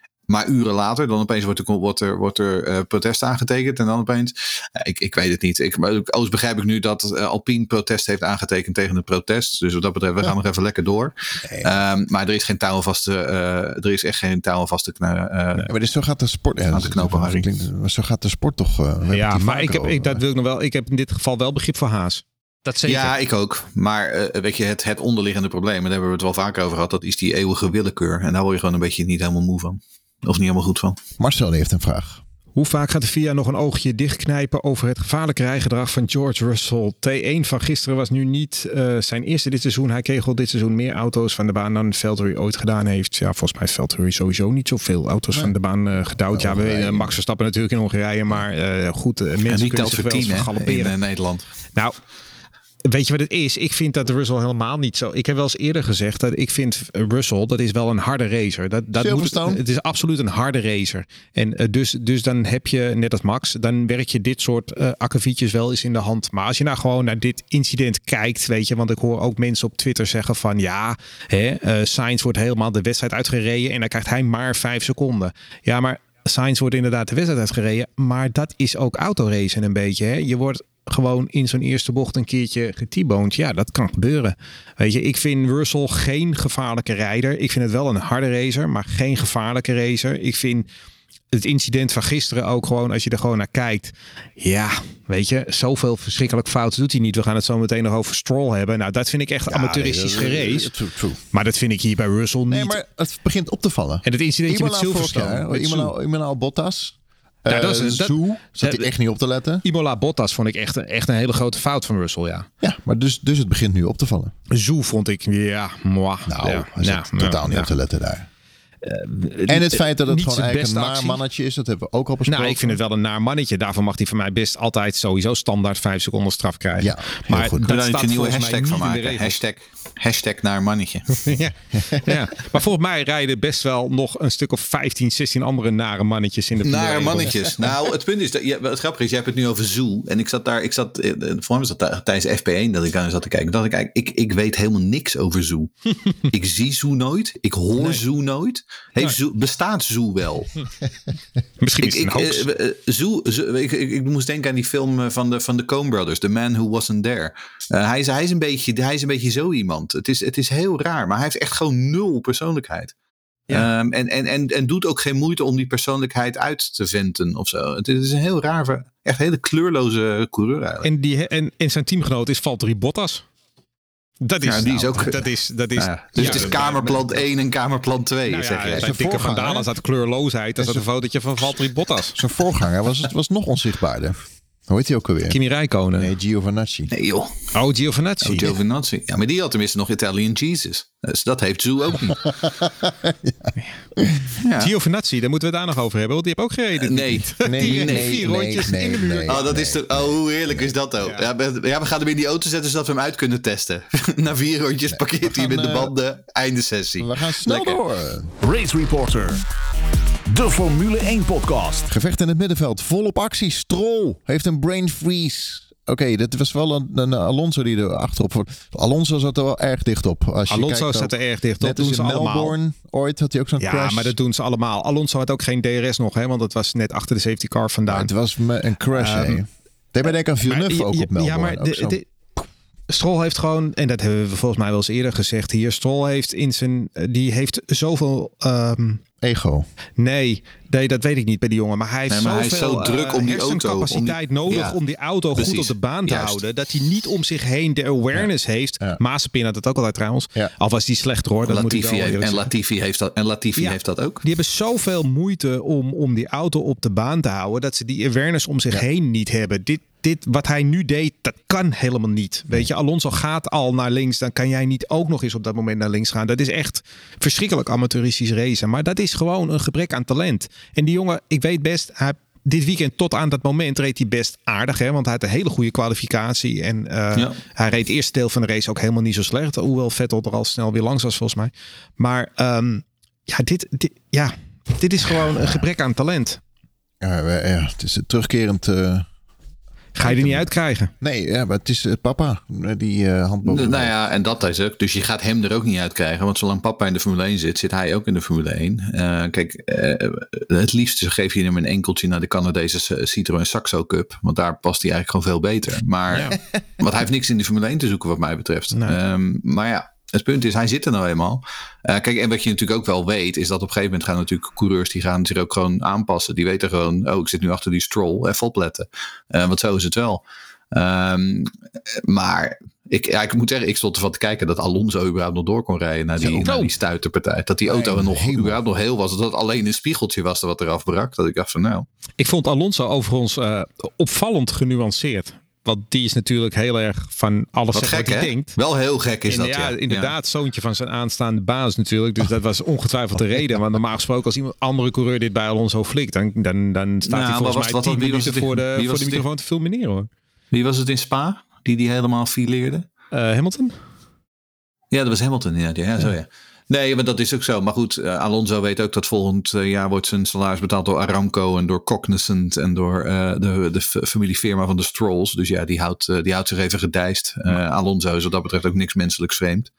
Maar ehm, ja, nee, dat viel mij, het viel mij inderdaad ook op. Ja, hij was wel heel mild. Wij, wij Maar in, kunnen- in potentie wel een heel ernstig ongeluk. Hè? Want hij haalde ook Impotent? IndyCars aan inderdaad. Dat hij vliegend richting de hekken gaat. En dan zie je daar wel eens. Ja. Dan word je alle kanten op gesmeten. Volgens mij had Ja. die eh, Canadese jongen had dat toch? Een aantal jaren geleden. Ja, Wickens en, Ja, en. Rosenquist een jaar, en Rosenquist een, een jaar daarna. Kijk, het punt is natuurlijk, als jij met 300 kilometer opeens, zeg maar, met je neus in zo'n hek steekt, ja, dan sta je opeens stil. Ja. Je staat opeens stil. Ja. Dus de- inderdaad, er komen dan die, van die centrifugale krachten komen er dan vrij. Ja, en dan, dan moet je maar zien waar je, waar je eindigt inderdaad. nou, ik zit te denken... Eh, ik vond vooral ook de manier waarop eh, dat Lance Stroll, want die ging natuurlijk ook gewoon in een grote rookwolk achterstevoren bij 300 km per uur. Dat daar niemand naar binnen reed, dat was ook eh, opmerkelijk. Sterker nog, er waren een aantal gasten die gewoon, uh, voor mij ook kon nog, die zeg maar volgens mij nog een inhaalmanoeuvre plaatsten onder. Ja. ja, dan dacht ik ook van, dan, dan moet je er ook ik hoop dat ze na afloop nog even naar die beelden kijken. En nog even in ieder geval een, een, een eh, even een belletje hebben met uh, Esteban. Want dat, dat soort dingen kunnen echt niet, jongens. Nee, dat, dat vind ik. Dat ben ik met Net als met dat uh, underbreaking wat Hamilton deed. Dat moeten ze eigenlijk. Ze hoeven dat niet per se nu te bestraffen. Maar ze kunnen dat wel, omdat er ook niks gebeurde in beide gevallen. Maar ze kunnen het wel bijvoorbeeld bij de volgende drivers meeting in Mexico. Ja, exact. Dit soort voorbeelden. Laat het even op video zien. Van jongens, ja. dit willen wij niet meer zien. En de volgende keer gaat het wel bestraft worden. Moving underbreaking, levensgevaarlijk. Wat Ocon deed daar, dat kan ook echt niet levensgevaarlijk. Jongens, hier gaan we nu echt meer op letten. Maar ja, vervolgens, vervolgens uh, wordt Stroll, die krijgt dus volgende uh, week in Mexico drie plekken grids eraf. En dat is dan dus een penalty voor, voor dit vergrijp. Dus daarmee zend je als Seentje natuurlijk ook wel weer een signaal uit. Strafpunten? Twee? Ja, maar die strafpunten, dat, is natuurlijk ook allemaal een... Ik bedoel, kijk, ik wil, het, het, maar goed, het deed mij een beetje denken. Hè, ik wil natuurlijk een Nissani dit jaar op Silverstone gezien, de Formule 2. Die uh, volslagen belachelijke dingen uithaalde. En zelfs die kreeg geen raceban. Dus um, nou ja, die, die, de, de FIA is heel terughoudend. Ja. Maar er was een periode waarin bijvoorbeeld Romain Grosjean gewoon uh, twee, drie wedstrijden aan de kant werd gezet. Ik weet dat, uh, ik weet dat Daniel, die altijd onze standen bijhoudt van het voor spel, spel, spel, spel. Die zei oh, die. dus ook van, uh, als je hier iemand niet een ban voor gaat geven, waar kunnen we dan ook nog dan een ban wel? voor ja. geven? Ja, ja, ja. niet. Dat kan inderdaad niet meer. Alleen als je inderdaad aan de 12 strafpunten zit, dan zou het nog kunnen. Um, maar goed, ik, van mij hoeft hij geen ban hiervoor te krijgen. Maar ik vind drie plekken kritstraf had wel iets ruimer gemogen. Nou, uh, ik zat te kijken welke crashes we hebben allemaal hebben gehad. Sowieso van Alonso kunnen we een hele special maken. Welke crashes. We hebben Minardi gehad op uh, Monza die ooit. We hebben Kovalainen, hmm. Webber gehad. Die vloog de lucht in. Nou, je, we hebben uh, Villeneuve, Schumacher. Die vloog de... Het is dat het baan breed was en dat Alonso vloog bijna de lucht nou, in. Je kan natuurlijk wel zeggen, want ja, ik zeg nu, ik vind drie, drie, drie plekken kritstraf en, en geen raceban vind ik op zich, hè, daar kan ik nog wel mee leven. In ieder geval met die, niet, dat die niet geband wordt. Maar aan de andere kant, als hij wel in die hekken gaat en hij breekt zijn ruggenwervel of, of nog erger. Uh, ja, weet je, dan, dan hebben we het ineens over, ja, een raceban is heel normaal. Ja, maar daarom. Ja. Dus ik vind gewoon uh, een ban. Maar ja, dat is, kijk, kijk, wij zitten hier aan de kant natuurlijk als, als, als fans. Er zijn natuurlijk, er spelen natuurlijk allemaal publieke en commerciële, uh, um, of politieke en commerciële overwegingen een rol. Zo simpel is het. Uh, en Lawrence Stroll, en Lawrence Stroll, ja, maar Lawrence Stroll is wel gewoon een hele invloedrijke man. Um, heeft inderdaad Aramco als hoofdsponsor, wat ook een, een, een van de grootste sponsors van de sport is. Sympathiek. we kunnen er heel naïef over zijn, maar dat soort dingen spelen uiteindelijk ook gewoon mee. Nou, ik ben heel blij dat wij lekker onafhankelijk zijn en blijven. Dat we ja. deze dingen gewoon lekker kunnen zeggen dan. Ja, dat is toch zo. hey, maar even kort. Uh, de, de, we, we, kunnen een special opnemen over uh, crashes uh, Alonso. Brazilië. Goeie genade. Dat hij op de ja. klapte Oh, 2003? Ja. ja, zoiets. Ja, 2003, uh, 2004, ja, dat is het jaar het, uh, ja, dus, Kimi Räikkönen won, maar toch Fisichella ja, won. Fisichella, toch Fisichella, ja. Melbourne dat hij op de kop sloeg. Dat hij eventjes moest uh, bijkomen, want die auto lag op zijn op op kop. Hij heeft echt een paar crashes gehad, die man. Ongekend. Ja, als je al zo lang rijdt, dan uh, kan ja, je wel een, uh, heb je wel aardig repertoire ja. opgebouwd. Goed, hij verliest dus uh, zijn punten naar de straf. Ocon onzichtbaar naar P10. Heel Waardoor jullie dus allebei ja. punten hebben in het ja. Ja, ja, maar Ocon, Ocon had wel echt een prut weekend. Heel slecht weekend. Echt heel slecht. Hij had een hele leuke helm. Spider-Man helm. Uh, ja. Maar een heel slecht weekend. Ja, echt, echt uh, door het putje. Het was helemaal niets... Nee. Wel leuk ook dat zijn, uh, dat zijn crew ook meedeed met die helmen. Dus dat ze allemaal Spider-Man Oh, dat heb ik eens gezien. Is dat? Ja, nou, een aantal van zijn monteurs die hadden hem ook. Was dat een promotie uh, voor een film of zo? Wat, of, uh... Nee, nee, ja, nee maar dat is toch, het is oh, gewoon Amerikaanse clichés toch? Net als dat uh, oh, die Daniel Ricciardo en, en Lando ja. Norris, die gingen weer die gingen weer Texaans tegen elkaar praten op video en zo. Ja, dus- en de Ferrari die had de hoeden op en die had de laars aan. Ja, en, uh, ja precies. Uh, en, ja, en hebben ze ook allemaal natuurlijk, voor Amerika hebben ze ook allemaal een speciale helm. Nou, Max die doet er alleen drie sterretjes op plakken en die zegt, oh, ik heb stars en stripes. Maar anderen die doen echt uh, originele dingen zoals hij. Over, uh, over de, deze baan. Ik weet nog dat we afgelopen jaar hadden het over de kwaliteit van het circuit. Ik heb dit jaar niks over gehoord. Maar dat ja, het hobbelt en het bobbelt en dat zal het altijd blijven doen. Dat heeft te maken met die grond. Ik heb er wel eens een heel ja. stuk over gelezen. Dat zal het altijd blijven doen. Voor de MotoGP is het helemaal een drama. Want die kunnen natuurlijk op twee bandjes nog veel minder hobbeltjes uh, ja. hebben. Uh, het, het- het- volgens mij gaan ze het iedere zoveel tijd doen ze het helemaal resurfacen, maar het blijft een drama. Oké. Dat hoort ook bij Amerikaanse eh wegcircuit. Daar hoor je gewoon te hobbelen. Ja, maar wel tot op zekere hoogte. Road America niet anders. En dit is geen wegcircuit, dit is een echt circuit. Norris bezig. Ricciardo was weer drama. Ja, McLaren, moeten we het daar nog over hebben? Ja, ik vond Norris, eh, die, die heeft dus, de, en, en dat vond ik heel opvallend. Die had echt een, een wedstrijd met twee gezichten. In de eerste helft van, het, eh, van de wedstrijd kwam hij totaal niet naar voren. En op het eind deed hij ineens een aantal hele mooie moves. En kwam die McLaren echt tot leven. Ik weet niet Nou, vooral ook omdat hij startte op P6 volgens mij. En vervolgens Ja. viel hij helemaal terug naar P13. En uiteindelijk finisht hij P6. Dat is wel Maar heel opmerkelijk. De meeste winst had eh, hij ja. op het eind. Ik heb niet helemaal de wedstrijd van hem kunnen volgen. Misschien was het ongelukkig met de safety cars. Dat zou ook kunnen hoor. Maar inderdaad, op het eind kwam hij echt, heeft hij echt heel veel goed gemaakt. Ja. Misschien dat Nou, eh, hij- de auto... Hij had wel de goede banden. Ja, de goede banden, minder gewicht in de. Dat, dat, dat die auto een beetje tot leven kwam. Dat zou kunnen. Maar. Ja. eh, en, Ja, en- Ricciardo reed gewoon op een gegeven moment reed die, die reed gewoon echt stijf laatste. Gewoon stijf achteraan, achter Latifi ook. En ja, dat was gewoon huilen.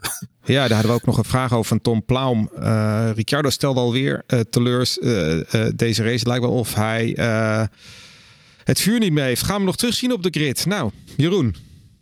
Gaan we hem nog terugzien? ik, ik, ik zou niet weten waar. Eh, nee, in ieder geval niet volgend jaar. Eh, dat weten we al. Ehm, en we weten ook wel een beetje dat je dan vrij snel uit beeld verdwijnt.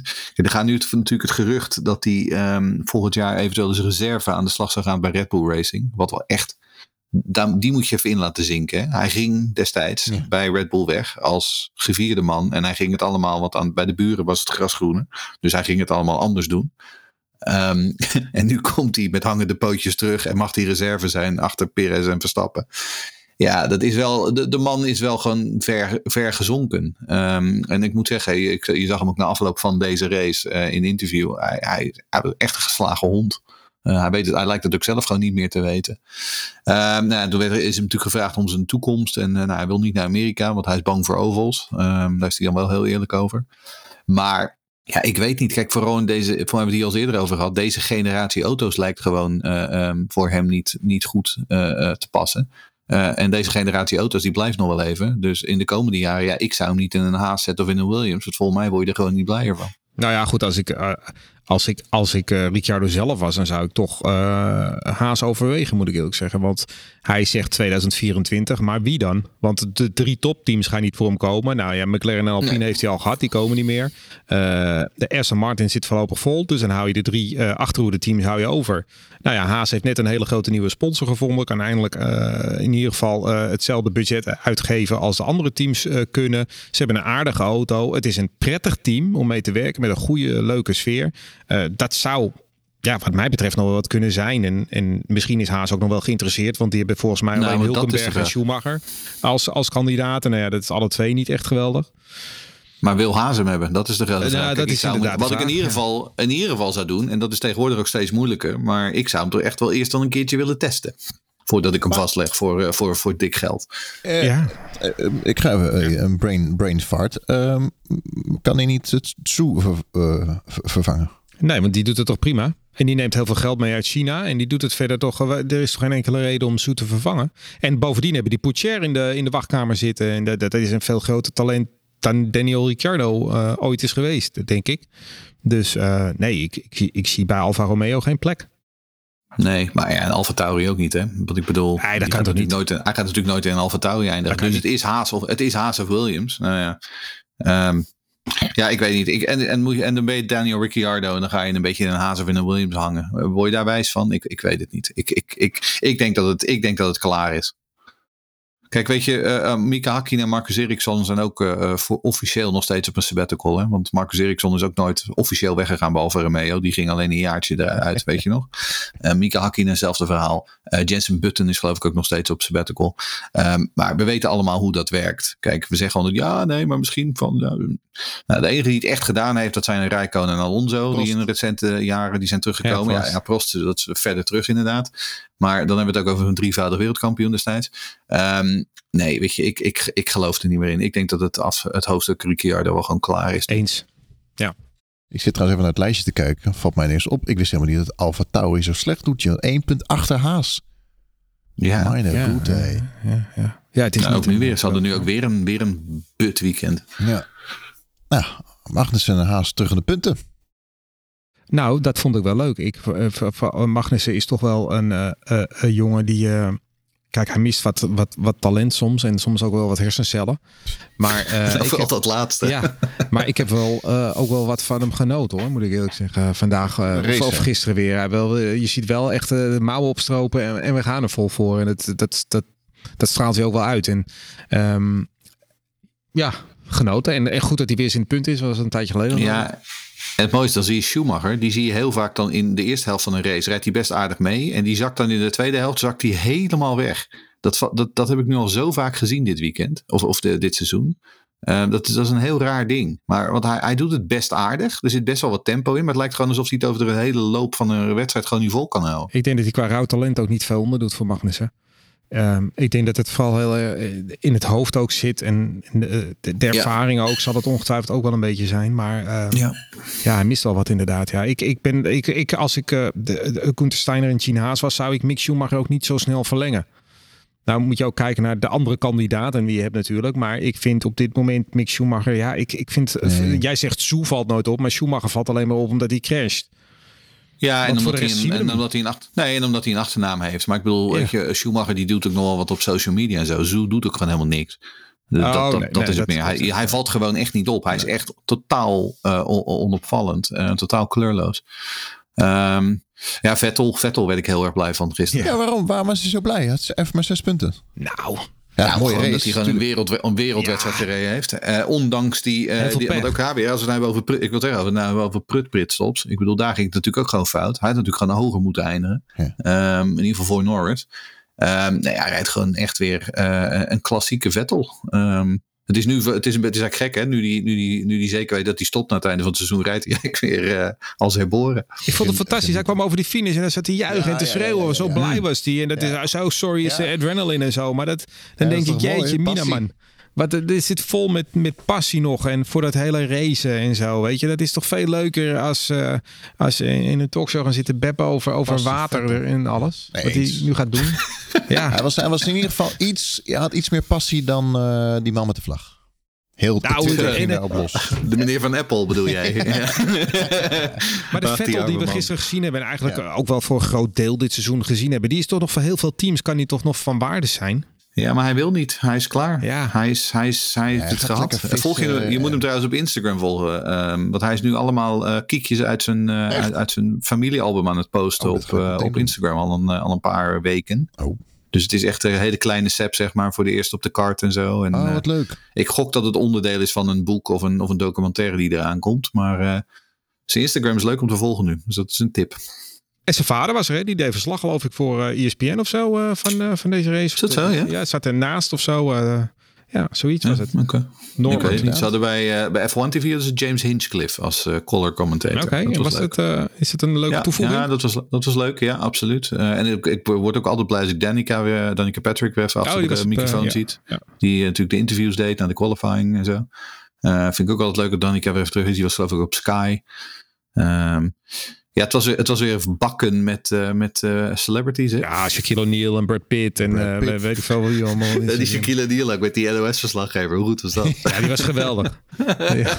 Dat was geweldig goed. Met Nee, tweede heerlijk. vraag te stellen. Heerlijk Ja. was die. En, maar ook, volgens mij is er niemand, niemand te vinden in, die, in, in de paddock die niet op de foto is geweest met Brad Pitt. Nee, maar een interview gaf hij niet. Want Martin Brundle die probeerde hem een vraag te stellen en die werd resoluut afgewezen. Dat is va- vaker in de USA hè, met Martin Brundle. Nou ja, dat ging natuurlijk. Ik wil zeggen, dat ging met Megan D. Stallion vorig jaar ook niet helemaal goed, geloof ik. Dus ja. Hey, ik zit even te kijken. Vettel heeft, eh, dat is wel heel opvallend, op Instagram 14 post. 14, dat, dat is 14 post. En hij heeft 2,3 miljoen volgers. Ja. Maar wat je zegt, hij, hij heeft het logo, dat, dat verraadt iets. Een V en een C'tje. Dus er, er is iets inderdaad aan de gang. Misschien komt er een film. En tijd dat nummer 95 ook, eh, dat is hij aan het posten. Dus Ja. ehm, nee, daar, daar, daar zit wat aan te komen. Maar het is leuk om te volgen, want het zijn, het zijn echt kiekjes uit het familiealbum van de Vettels. Misschien ook een kiekje dat hij binnenkort naar de kapper gaat. Hey, Ja. eh, Williams, moeten we daar nog hebben? 2023? Ja, vind ik wel. Ja, Ja, Ik, oké. eh, Nou, Logan Sargent, leuke keus. Ik ben er wel blij mee. Het is een Amerikaan sowieso. Dat is gunstig. Nou, we hebben allemaal eh, inmiddels door dat Formule 1 in, in Amerika nu echt een beetje een, een voet aan de grond gaat krijgen. En we hebben natuurlijk al een Amerikaans team dat het gisteren nog aardig deed ook. En we hebben nu ook een Amerikaanse coureur die erin komt. Logan Sargent. Ja, weet je, het is niet het allergrootste talent, moet ik eerlijk zeggen. Maar ik vind wel dat hij zich aardig ontwikkelt. Uh, dus wat dat betreft, uh, uh, ja, hij zal, hij zal het zeker beter gaan doen, denk ik, dan Latifi. Um, ik vind het een goede ja. keus. Ik weet niet hoe Jeroen ja. erover nou kent. Die zit heel veel in de junior ja, series. Ja, dus. en, de, de, en, en de, Formule 1 heeft besloten dat Colton Hurta, ondanks zijn zeven IndyCar overwinningen, niet goed genoeg is. Dus uh, uh, ja, nee, Logan Sargent, ik bedoel, uh, werd, werd gewoon derde in het via Formule 3 in 2020. Um, in 2021 reed hij in de Formule 2 in een zeepkist van Charouz en werd hij alsnog zevende. Won hij een race. Dat, was, nou, dat, is, dat is echt knap als je dat kan in, in, in, met dat team. En dit jaar rijdt hij met Carlin met steun van de Williams Academy en staat hij nu ook derde in het kampioenschap. Uh, er zit nog één klein addertje onder het gras. Hij moet wel nog even zijn superlicentiepunten halen. Um, als hij bij de beste 6 à 7 eindigt, dan redt hij dat. Uh, het zit daar wel redelijk dicht bij elkaar. En uh, zijn laatste paar races is niet, goed. heel erg lekker. Hij is niet heel lekker in nee. vorm. Maar um, ja, als hij geen gekke dingen doet in Abu Dhabi, dan, dan zou het in principe gewoon goed moeten kunnen zijn. Um, hij rijdt ook nog twee, uh, twee extra FP1's, wat hem ook nog twee extra punten oplevert, als het goed is voor zijn uh, licentie. Dus het zal uiteindelijk allemaal wel goed komen. Um, in het ergste geval kunnen ze hem nog naar Nieuw-Zeeland sturen voor de Toyota Racing Series. Uh, dan kan hij dan vijf, vijf punten halen, geloof ik. Dus er zijn er andere manieren. Um, maar inderdaad, ja, Sargent. Een, een, een jongeman uit Florida. Die dus als het goed is volgend jaar naast, uh, naast Alexander Albon zit. Race Reporter, de Formule 1 podcast. Volgende race. Mexico. We gaan nu eindelijk naar een echt circuit. Eindelijk een echt circuit. Leuk man. Echt leuk. Ja, man. Ik vind het echt, ik weet niet, Mexico sowieso het land, het eten, de mensen. Ik vind het echt superleuk. Ja, ik, wij, wij, kijken nu Narcos Mexico op Netflix. Dat is ook, uh, kijk ook al een echte, echte feeling voor inderdaad. Ja. Nee, maar ik wil Mexico City wel een baan. Ik vind echt een, echt een geweldig circuit. Uh, ondanks dat ze natuurlijk nu dat, dat nieuwe stadiongedeelte hebben, wat gewoon prut is. Maar, um, een stuk. Die, oh. Maar die baan, is, die baan is waanzinnig. Het ligt in een groot park midden in de stad. Um, met dat enorme lange rechte stuk inderdaad. Ja, ik ben, ik ben een fan van Mexico City, ja. altijd al geweest. Dus ik, ik kijk ernaar uit. Ja. Nou, ik, ik ben het helemaal met Jeroen eens. Alleen de, de, de enige positief over het stadiondeel is wel de sfeer daar. Want je hebt het helemaal ja. het is een beetje afgesloten. Zo, het is een soort honkbalachtig uh, ja. uh, concept. En dat, is, dat maakt wel, ik denk dat het onwijs gaaf is om daar te zitten als, als, als fan. Ja, maar, dat, maar de manier waarop die, op nee, die baan loopt, zeg maar, met zo'n raar, met zo'n raar ja, bochtje en zo, dat is allemaal prut. Dat is prut, maar dat, dat hele concept van dat stadionnetje is wel Ja, leuk. het stadion is mooi, absoluut. En ze hebben natuurlijk altijd die, die feesten ook na afloop, hè, met zo'n ja, en zo. Dat, dan, mijn mijn, mijn leukste herinnering aan een Grand Prix van Mexico was dat die twee, uh, die, twee, die twee gekkies op het podium kwamen toen. Die werden door de rijders de half afgetrapt. Dat was een nieuw concept, een soort Daft Punk-achtige... Weet je dat niet meer? Oh, was dat toen die. Oh, dat was dat niet die gast waar Kimi Räikkönen naar stond te kijken. Van wat ben jij hier Rijk aan het doen? Ja, ja, dat weet ik nog wel. Ja, precies. Ja, dat weet ik nog wel. Ja. Verder de, de, de, grote herinneringen, de mooie herinneringen. Ja, ik ken natuurlijk de scheldkanonade van. Uh, van Vettel, de overwinningen van Max, vingertje. de wereldtitels, de wereldtitels van Hamilton, die heb je daar voor mij die twee of drie dagen gewonnen. Uh, ja, maar de echte mooie is natuurlijk dat duel tussen Berger en Mensel uh, ooit in, uh, ja, de in Peraltada. De, ja, maar toen nog de originele, want die is ook ja. wel een beetje vernacheld, hè, die bocht. Ook nou ja, dat is natuurlijk waar. Een dat een beetje, ik wil het zeggen, die is er gewoon niet meer, omdat ze dat stadion gebouwd hebben nu. Ja, nee, maar, die, die moet je echt even YouTube als je hem niet kent. Maar dat is echt een schitterende actie van Mensel. Nou, sowieso, de, de oude, wat vroeger waren die S's die je nu achterop hebt, zeg maar, in het tweede deel van de baan, daar had je er meer van. Um, en waar Mexico City jarenlang ook altijd om uh, bekend stond. Want als we vinden dat Austin een beetje hobbelig is. Nou, het oude Mexico City. Ik bedoel, daar stuiten de, de vullingen echt uit je kiezen. Um, Ayrton Senna had daar geloof ik op een gegeven moment zelfs nog een keer echt last van zijn rug ook. Uh, omdat, omdat het gewoon zo aan het stuiteren was in zijn McLaren. Dat hij, uh, dat hij last kreeg van zijn rug en inderdaad uh, bij een therapeut onder, onder behandeling was gedurende dat weekend. Um, maar het is dus een klassieke baan, wat, wat, wat echt in de jaren 80 en de jaren 90, uh, wel 80 en begin jaren 90 hebben we er nog wel veel gereden. Zeker. Uh, ja. En toen is een hele lange tijd van, van de kalender geweest. Uh, maar ik ben blij, te, ben blij dat het terug is. Het is echt wel een, een, een historische baan die gewoon in de Formule 1 historie hoort. Zeker, absolute toevoeging tot, uh, tot deze kalender. En ik vind ook, de, de, ook die Mexicanen verdienen dat, hè, want die trekken ook echt volle zalen. Ja. En er kan heel veel in dat complex ja. ook. En dat is ook echt helemaal ja. vol. Er zijn hele gepassioneerde mensen. Net als de Japanners en uh, de Amerikanen gisteren. Is dat wel echt een... Uh, mm. Kijk, het is natuurlijk Abu Dhabi en, en Bahrein. Daar gaan we naartoe. En dan zitten er ook, uh, weet je... die komen nooit aan dit Vijf. soort menigtes. En dat vind ik ook... Je moet het ook naar de fans brengen. En in die hoek, daar moet je gewoon een aantal races hebben. Want er zitten gewoon heel veel fans. Ja, Mexico. Verwachtingen? Nou ja, als je ziet hoe hard, on- ongelooflijk hard die Red Bull de, eh, heeft gelopen op Austin, eh, dan vrees ik dat dit voor de concurrentie van Red Bull een heel vervelend weekend gaat worden. Eh, ik, ik denk dat dit gewoon een afgetekende 1-2 voor Red Bull wordt. En zoals eerder aangegeven, ik hoop dat dan eh, ehm, Sergio Perez hem krijgt van Max Verstappen. Wel een ehm, lichte kans op regen op zowel zaterdag als Oh. zondag. Dus dan weten jullie dat alvast. Ja, Oh, die is wel degelijk. zondag. Want in Nee. Mexico kan het wel degelijk regenen. Ehm, dus ja, dat zouden de dingen kunnen veranderen. Overigens, als het regent, verwacht ik nog steeds dat Max Verstappen wint. Maar dit geheel terzijde. Leuk, voorspellingen. Jij moet- Charles, jij mag eerst. nou, ik zal je vertellen. Charles die heeft mij dus, want ik vroeg dus Oh. in de appgroep vanochtend van Charles, je moet even je voorspellingen doorgeven. Dus heb Charles naar mij privé geappt Ah. en die zegt, je moet Lucas eerst laten. Ja, ja, ja, Oh, heerlijk. Lucas eerst laten voorspellen voordat jij mijn voorspelling doorgeeft. Dus ja, Lucas, eh, nou, je bent aan de beurt, jongen. Nee. Oké, daar gaat hij. Eh Perez 1, dan Verstappen, dan Lewis Hamilton. En ik ga nooit meer Stroll noemen, want dat doe ik vaak. Maar ik ga nu ook uh, Ocon 10 zeggen. Is dat, zit ik dichtbij, eh, Charles? Eh, nou, Charles heeft als eerste, die mag je nu, eh, die mag je nu eh, noteren. Max Verstappen 1, Checo Perez 2, Charles Leclerc 3, Yuki Tsunoda 4. Huh? 4? Wat? Of uh, 10, sorry. Nee, 4. doe- nee, laat maar zo. Laat maar 4. Ja. Nee, nee, Dat zou wat nee, zijn. tiende, tiende, Yuki, eh, Yuki als, eh, als vierde, dat zou wat zijn, ja. Ja. Eh, nou, dan ga ik zelf. eh, ik ga ook maar voor Checo op 1 en Max dan 2. Want die laat hem dan, eh, die laat hem dan gaan, denk ik. Ik denk eh, dat we Hamilton toch maar op 3 op, eh, drie doen, ja, inderdaad. En ehm nou, doen we ook gewoon nog een keertje op 10. Ga je nou mij nadoen? Nee, dat denk ik toch niet? Ja, jawel. Ja? Volgens mij hebben we dezelfde nu. Oh, nou ja, dan hebben we dezelfde nu. En dat, maakt, en dat maakt verder ook geen Nee. rol uit, hè? want het is maar een spelletje, Ja. Lucas. Ehm, ja, Perez gaat winnen. Eh, Verstappen wordt tweede. Ehm, Hamilton wordt derde, ja. Dat ga ik ook voor. En dan tiende, dan bedenk ik iemand anders. De tiende plek gaat naar Kevin Magnussen. Magnussen. We moeten wel even vermelden dat Lucas 476 punten heeft. Charles heeft er 74 minder, 402. En ik op 389. Jeroen op 288. Dus het is, het Ik is niet heel Ja, spannend. ik ben, ik ben gezien. Ik, ben, ik word echt alpien. Het. Het is alleen nog spanning om plek 2. Maar ja, Ja, ik ben heel slecht in eh, het uitrekenen. Daar staat hier onderaan, Lucas loopt weer uit. Er zijn nog 210 punten te verdelen. Dus wanneer Ja. weet ik dan wanneer ik kampioen ben? Oh, eh, Of, Pas na de laatste race. ja, hè? Ja, nou ja, voorlopig niet. Als er nog 210 punten in het spel zitten, dan, eh, dan, dan eh, heb jij voorlopig nog helemaal niks eh, Nee, te vieren. Dan wordt het echt pas Spannend. na de laatste wedstrijd, denk ik. Spannend, we zijn ik ben er Ja. nog niet. Maar ik, ja. ik heb er dit jaar ook een studie van gemaakt. Eh, de Grand Prix van Mexico. Gelukkig, eh, nee, dat zeg ik nou wel gelukkig, maar ik zie hier de tijden. Die zijn weer net als afgelopen weekend laat. Lekker toch avondraces, heerlijk man. Ja, maar ik moet maandag ook altijd weer vroeg op. Eh, de kwalificatie is zaterdag om 10 uur. En de race 30 oktober komend weekend alweer om 9 uur s'avonds. De, de race, de Grand Prix van Brazilië. Ik heb, of, Mexico. Ik heb er zin in. Ik vind het echt heel erg leuk. Ik ook. Leuk. Ja, ik vind, maar ik vind avondraces eh, heerlijk eigenlijk. Want dan kan ik overdag gewoon mijn ding doen. Weet Dat je? Want wel vaak waar, zit ja. je overdag op zaterdag en zondag. Dan moet ik weer thuis vertellen. Ja, ik ga nergens naartoe, want ik moet weer even kijken. Dat is wel waar, ja. En nu, eh, ja, het is prima. Oké. Nog drie races te gaan. Dan zit het seizoen erop. Ja, ja, ja, klopt. Alweer. Alweer. Race Reporter wordt mede mogelijk gemaakt door een aantal leden en donateurs. Ik noem de gouden leden. Frank Thewe, dankjewel. Roos Zinnige, super bedankt.